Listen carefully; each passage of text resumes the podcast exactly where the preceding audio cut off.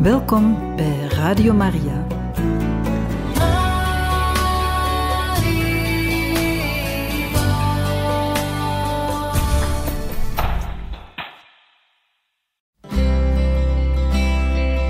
Welkom bij Boekat, een programma van Radio Maria.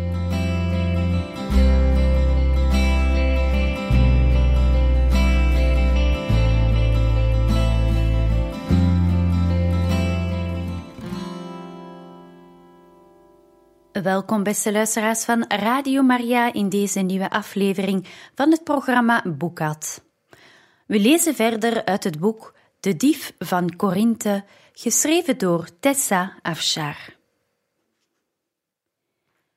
Toen Justus me vertelde dat hij van plan was op zakenreis naar Athene te gaan en daar Dionysius te bezoeken, schreef ik een brief aan mijn broer. Mijn brieven aan hem waren gewoonlijk zorgvuldig geformuleerd, ontbloot van persoonlijke ontboezemingen, omdat ik vermoedde dat ze gekeurd werden voordat hij ze in handen kreeg. Nu ik wist dat Justus de boodschap persoonlijk aan mijn broer zou overhandigen, schreef ik openhartiger. Terwijl de woorden ongehinderd stroomden, trok mijn hart samen. Ik miste mijn broer meer dan ik zeggen kon. Ik miste zijn lieve gezicht, de ernstige ogen, het lichte hoofdschudden als ik dwaas of ondeugend was, de verdraagzame glimlach als ik me koppig gedroeg. Er was een stuk van me afgescheurd toen ik hem achterliet in Athene. Een deel van me bleef verscheurd elke dag dat hij door mij niet naar Korinthe kon komen. Ik knipperde tranen weg. Het was mijn bedoeling om hem op te vrolijken, niet om hem neerslachtig te maken met sentimentele gedachten. Ik nam de schrijfstift op en begon te schrijven. Van Ariadne, je toegewijde zuster, aan mijn dierbare Dionysius. Ik stuur je mijn hart en groeten met deze brief. Wat ben ik dankbaar dat je gezond en welvarend bent, mijn lieve broer. Je zult onderhand gehoord hebben van mijn plannen om mee te doen aan de aanstaande Istmische Spelen. Voordat je de schuld voor dat roekeloos plan bij mij legt, moet je weten dat het vaders idee was. Ik heb er niet om gezeurd, noch om gesmeekt om mee te mogen doen. Hoe dan ook, het is gebeurd en je zult je niet hoeven schamen, hoop ik. En Theo is met Justus aan het trainen voor de wagenrennen.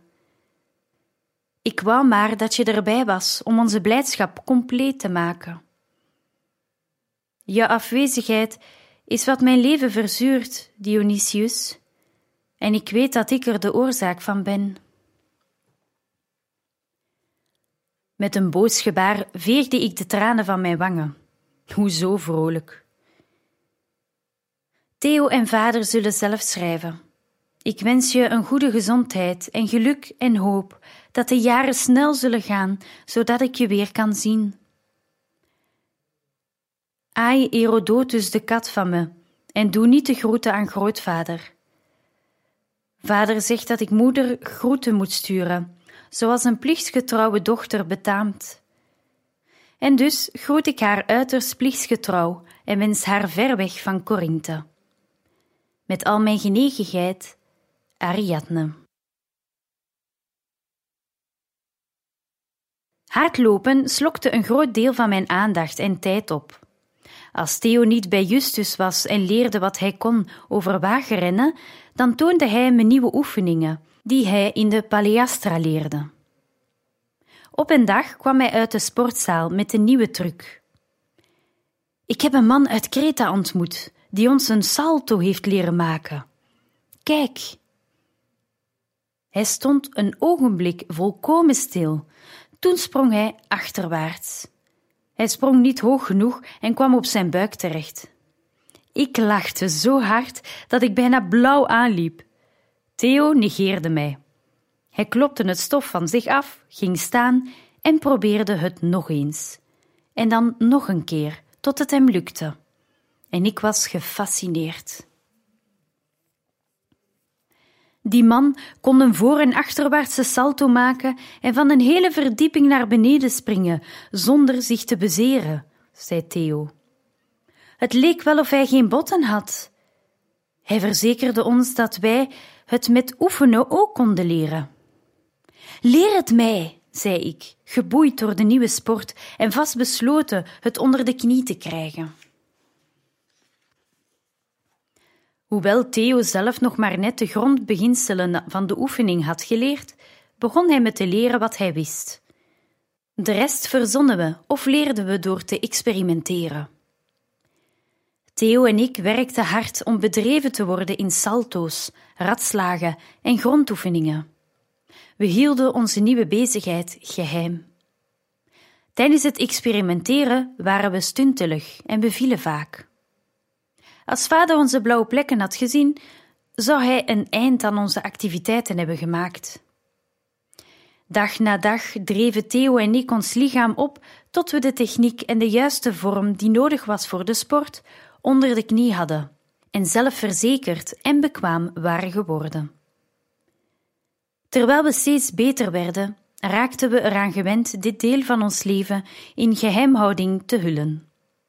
Ik veronderstel dat we allebei dachten dat we dit nieuwe talent op een dag met de wereld zouden delen. We waren er gewoon nog niet aan toe. Door oefening was het salto's maken, springen, in de lucht draaien en met precisie landen een tweede natuur geworden. Tot mijn verrukking maakten de afmattende oefeningen die we onszelf oplegden ons lichaam vlugger en leniger, zodat mijn balans verbeterde en ik harder kon rennen dan ooit tevoren. In de lente hield Theos Paliastra een openbare wedstrijd. Hoewel het louter een plaatselijk evenement was, trok de school, die als uitmuntend bekend stond, een grote opkomst van invloedrijke lieden uit Korinthe en in de bescheiden arena krioelde een gretige menigte. Ze hadden Justus, hun favoriete oud-leerling, uitgenodigd om gastheer te zijn en de prijzen van die dag uit te reiken. Ik zag Claudia de oudste en Dianta in de menigte en vermoedde dat ze speciaal voor Justus naar deze nederige atletische wedstrijd waren gekomen. Ze liepen zonder blijk van erkenning langs me heen. Dit was de eerste officiële worstelwedstrijd die ik ooit had bijgewoond, en ik weigerde mijn plezier te laten bederven door hun kleinerende gedrag. Ik was er om Theo, die meedeed aan de wedstrijden, aan te moedigen. Ik zag die ochtend heel wat geoliede, door de zon gebronsde mannenlijven, rondparaderend als haantjes die kraaien om aandacht. De meeste jonge mannen streden bloot, maar sommigen kozen er net als Theo voor om een kleine ledendoek te dragen. Ik veinsde onaangedaan te kijken, vooral als mijn vader luid zijn keel schrapte en me een poort tussen mijn ribben gaf. Justus opende de ceremonie met een korte, ontroerende toespraak over moed en volharding. De toeschouwers klapten enthousiast toen hij klaar was. Claudia gooide een roze roos over zijn voeten, zodat de menigte nog harder juichte. Ik voelde een onverklaarbare golf van woede om haar vrijpostigheid. Wie was Claudia om zo familiair tegen hem te doen? Met een glimlach raapte Justus de bloem op. Ik was opgelucht toen hij hem teruggooide in de menigte. Ik slikte mijn boosheid in en juichte toen Theo de arena betrad. Maandenlang onophoudelijk trainen en de opbollende spieren die daar het gevolg van waren, hadden mijn pleegbroer veranderd in een bonkbruut natuurgeweld. Hij was een dodelijke combinatie van balans en kracht. Zijn lijf was afgetraind door onze geheime oefeningen en hij had de lenigheid en snelheid van een panter. Worstelaars werpen het lot om hun strijdpartner te bepalen, en Theo moest zich meten met een jongeman van zijn eigen leeftijd. Ze waren van gelijke lengte en gewicht. dus de afloop hing af van vaardigheid, uithoudingsvermogen en kracht. De jongens waren opgefokt van opwinding en glibberig door de olie waarmee ze waren ingesmeerd. Ze besprongen elkaar op het moment dat de wedstrijd begon. Theo lag vanaf de start voor en schakelde zijn tegenstander uit met een schoudergreep. De volgende ronde duurde het een paar minuten voordat Theo de lange jongen in een wurggreep had en korte maakte met de partij. Tot mijn stomme verbazing versloeg hij ook zijn volgende tegenstander, een oudere en meer ervaren worstelaar. Hierdoor werd Theo in de finale voor de prijs geplaatst tegen Kilon, de kampioen van vorig jaar. Behalve mijn vader, Justus en ik, evenals een beleefd groepje vrienden van vader, juichte niemand mijn pleegbroer toe. Hij was een onbelangrijk persoon die een graag geziene kampioen bedreigde. De man was groter dan Theo en meer ervaren. Ik had nauwelijks tijd gehad om met mijn ogen te knipperen toen Kilon Theo op zijn rug draaide. Hij klom op Theo's buik, zijn brede schouders spanden zich toen hij mijn pleegbroer probeerde te wurgen. De menigte juichte goedkeurend. Theo probeerde om te rollen, maar hij zat vast onder het massieve gewicht. Binnen enkele ogenblik snakte hij naar adem en werd paars. Ik dacht dat er wel een beambte zou ingrijpen, omdat er al een punt was gemaakt, maar niemand maakte er een eind aan. De scheidsrechter wilde Theo dwingen om te capituleren en een vroeg einde te maken aan de partij. Hij kende mijn pleegbroer niet. Theo gaf niet gemakkelijk op. Vader stond roerloos naast me, zijn voorhoofd nat van het zweet. Ik drukte een vuist tegen mijn mond. Op de een of andere manier slaagde Theo erin Kilons arm te grijpen. Met de snelheid van het licht draaide hij en rolde om, gooide Kilon op zijn rug en zat bovenop hem voordat de reus kon ontsnappen. Punt voor Theo. Onmiddellijk gaf een beambte de mannen een teken om op te staan, om even tijd te nemen om te herstellen. Ze stonden nu gelijk, ieder had een punt gewonnen. Op een teken van de scheidsrechter kwamen de twee mannen weer samen. Dit keer had Theo Kilon zo rap tegen de grond dat ik niet eens had gezien hoe hij het had gedaan. Hij gooide zich bovenop zijn tegenstander en vervolgde met een krachtige wurggreep die de lijkbleke Kilon dwong zich gewonnen te geven. De toeschouwers waren een ogenblik stil van schrik. Toen schreeuwde vader en ik opgetogen. En ik moest lachen toen Justus met ons meejuichte, met zijn vuisten in de lucht sloeg en de naam van mijn pleegbroer riep. Theo werd tot overwinnaar verklaard en kreeg als prijs een krans van laurierbladeren uit de hand van Justus, hoewel het applaus van de menigte, zacht gezegd, gedempt was.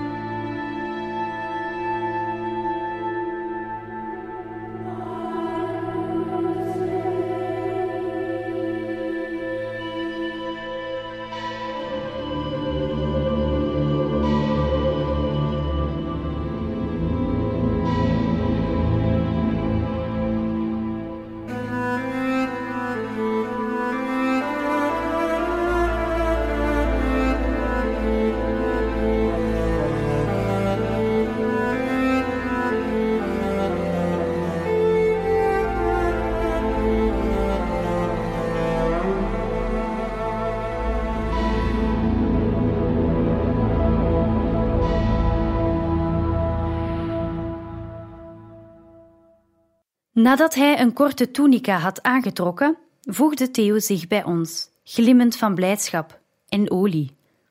Hij zag eruit als een god uit de oudheid. Er liep een beeldhouwer achter hem aan die zeurde of hij model wilde staan voor een van zijn beelden. Met al die spieren zou je een volmaakte Ares zijn, jongeman. Wie zou er beter kunnen pauzeren als de god van de oorlog? zei hij. Theo bloosde, zodat wij moesten lachen. Misschien een andere keer, zei hij. Theo vragen om enige tijd stil te staan was als een bijvragen een pirouette te maken op het muziek van een fluit. Hij kon het eenvoudigweg niet. Precies op dat moment slenterde Dianta langs. Ze bleef even staan en keek Theo aan. De vondeling wint, zei ze op minachtende toon. De normen van Corinthe beginnen te vervagen. Ik deed een uitval met de bedoeling haar tegen de grond te worstelen, maar Theo pakte me bij de ene arm en mijn vader bij de andere, en ze trokken me naar achteren. Laat haar met rust, fluisterde mijn evenwichtige pleegbroer. Ik zag aan zijn bleke kleur en op elkaar geklemde tanden dat Dianta's woorden hem diep hadden gekwetst.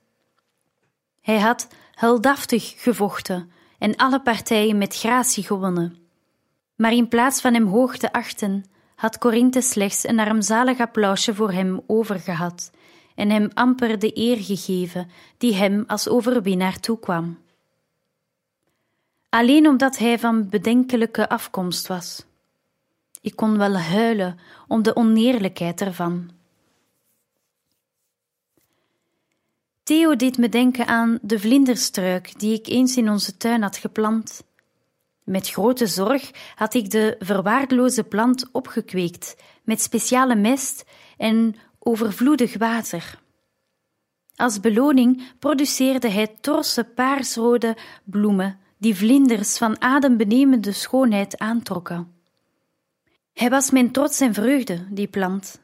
Ik was verbijsterd toen vader me vertelde dat vlinderstruiken op het eiland Britannia als onkruid werden beschouwd en dat de inwoners ze met wortel en al uitdrukten en weggooiden. Al die schoonheid, onkruid, ik kon het niet bevatten. Nu Dianta en de rest van Corinthe mijn broer een vondeling noemde in plaats van een kampioen, voelde ik hetzelfde onbegrip. Hoe konden ze toch zo blind zijn?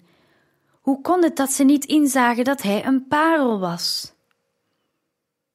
Dianta en Claudia gingen naar Justus, die omringd werd door een groep bewonderaars.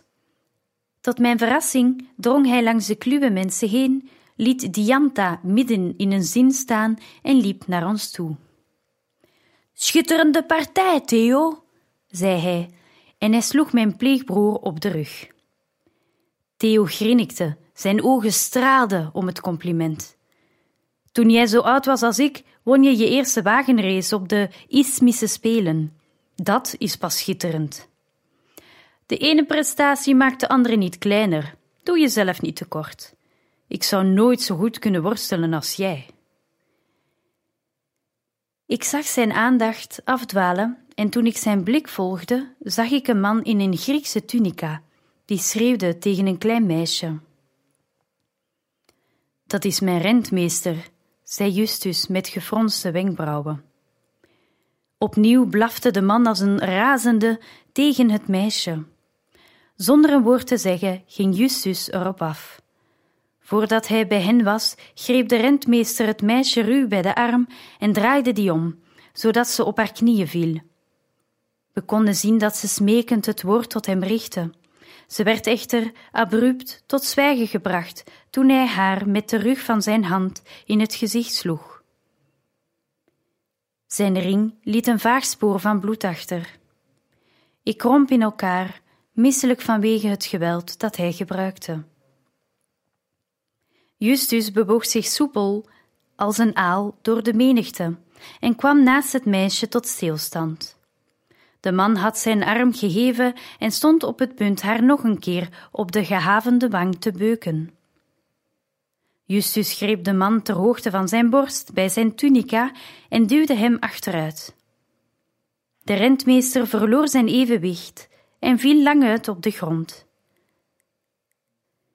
Ik keek Theo zwijgend aan en begon hun kant op te rennen, met Theo in mijn kielzog. Ik wilde dicht in de buurt zijn voor het geval Justus hulp nodig mocht hebben. Hoe durf je dat kind te slaan? Ze is half zo groot als jij, beet Justus de man toe op het moment waarop ze aankwamen. In zijn hals klopte een ader. Zijn rentmeester zat als bevroren op de grond. Uh, meester, ze was me ongehoorzaam. Je weet dat ik het slaan van slaven verbied, zeker van vrouwen. Dat was niet wat ik een pak slaag noem. De rentmeester glimlachte zwak en maakte aanstalten om op te staan. Ik schampte haar nauwelijks. Ze hebben een beetje discipline nodig, anders springen ze uit de band. Justus werd ijzig stil. Hij kneep zijn ogen tot spleetjes. Schamp je mijn slaven vaak? De man ging abrupt weer zitten. Nee, meester. Het meisje sloeg haar ogen neer. Er viel een traan over haar wang, gevolgd door nog een traan. Justus liet zich voor haar op een knie vallen. Niobe, heeft hij dit eerder bij je gedaan? Het meisje gluurde snel naar de rentmeester en schudde van nee. Hij heeft geen macht om je kwaad te doen, nooit meer. Dat beloof ik je. Vertel me nu de waarheid. Heeft hij je eerder geslagen? Het meisje knikte snel. Ze liegt, schreeuwde de rentmeester. Justus sprong op. Als je nog één woord zegt zonder dat ik je daar toestemming voor geef, dan zal ik zorgen dat je er spijt van krijgt. Hij keek het meisje weer aan. Heb je hem anderen zien slaan? Ze sloeg haar grote bruine ogen, nat van tranen en vol angst, naar hem en staarde hem aan zonder iets te zeggen. Dapper zijn. Wees eerlijk en je zult niets van hem te vrezen hebben. Ik zal je beschermen. Justus' stem klonk zacht en liep over van vaderlijke troost. De vriendelijke manier waarop hij het kind behandelde ontroerde me diep. Hij slaat ons alleen met zijn handen, meester, nooit met een zweep. Ziet u wel, ik zei toch dat ik hen niet sla? De rentmeester trok zijn verdraaide tunica recht. Justus knarste tanden. Zonder een spier te vertrekken, straalde hij dreiging uit. De rentmeester kromp in elkaar. Je kunt jezelf als werkloos beschouwen. Als ik jou was, zou ik Corinthe verlaten. Het wordt moeilijk voor je om werk te vinden in deze stad. Daar zal ik voor zorgen. Mijn vader, die met vrienden in gesprek was geweest, kwam bij ons staan. Dat was toch je rentmeester die daar net wegrende, Justus? Niet meer. Justus haalde een hand door zijn haar en ademde langzaam uit. Hij klopte het meisje op de schouder. Zullen we naar huis gaan, Niobe? We liepen met hem mee naar huis, en Justus vertelde mijn vader dat hij de rentmeester had betrapt toen hij Niobe sloeg. Ik pik het niet als mijn slaven slecht behandeld worden, zei hij. Niemand zal in mijn huis een hand opheffen tegen een hulpeloze vrouw. Het duurde even voordat het tot me doordrong dat ik huilde. Ik veegde haastig mijn tranen weg en probeerde de golf van emotie die me dreigde te verstikken te onderdrukken. Justus had haar beschermd. Hij vond haar waard om voor te vechten en zag toe op haar veiligheid. Hij had voor een slaaf gedaan wat mijn eigen moeder voor mij niet wilde doen.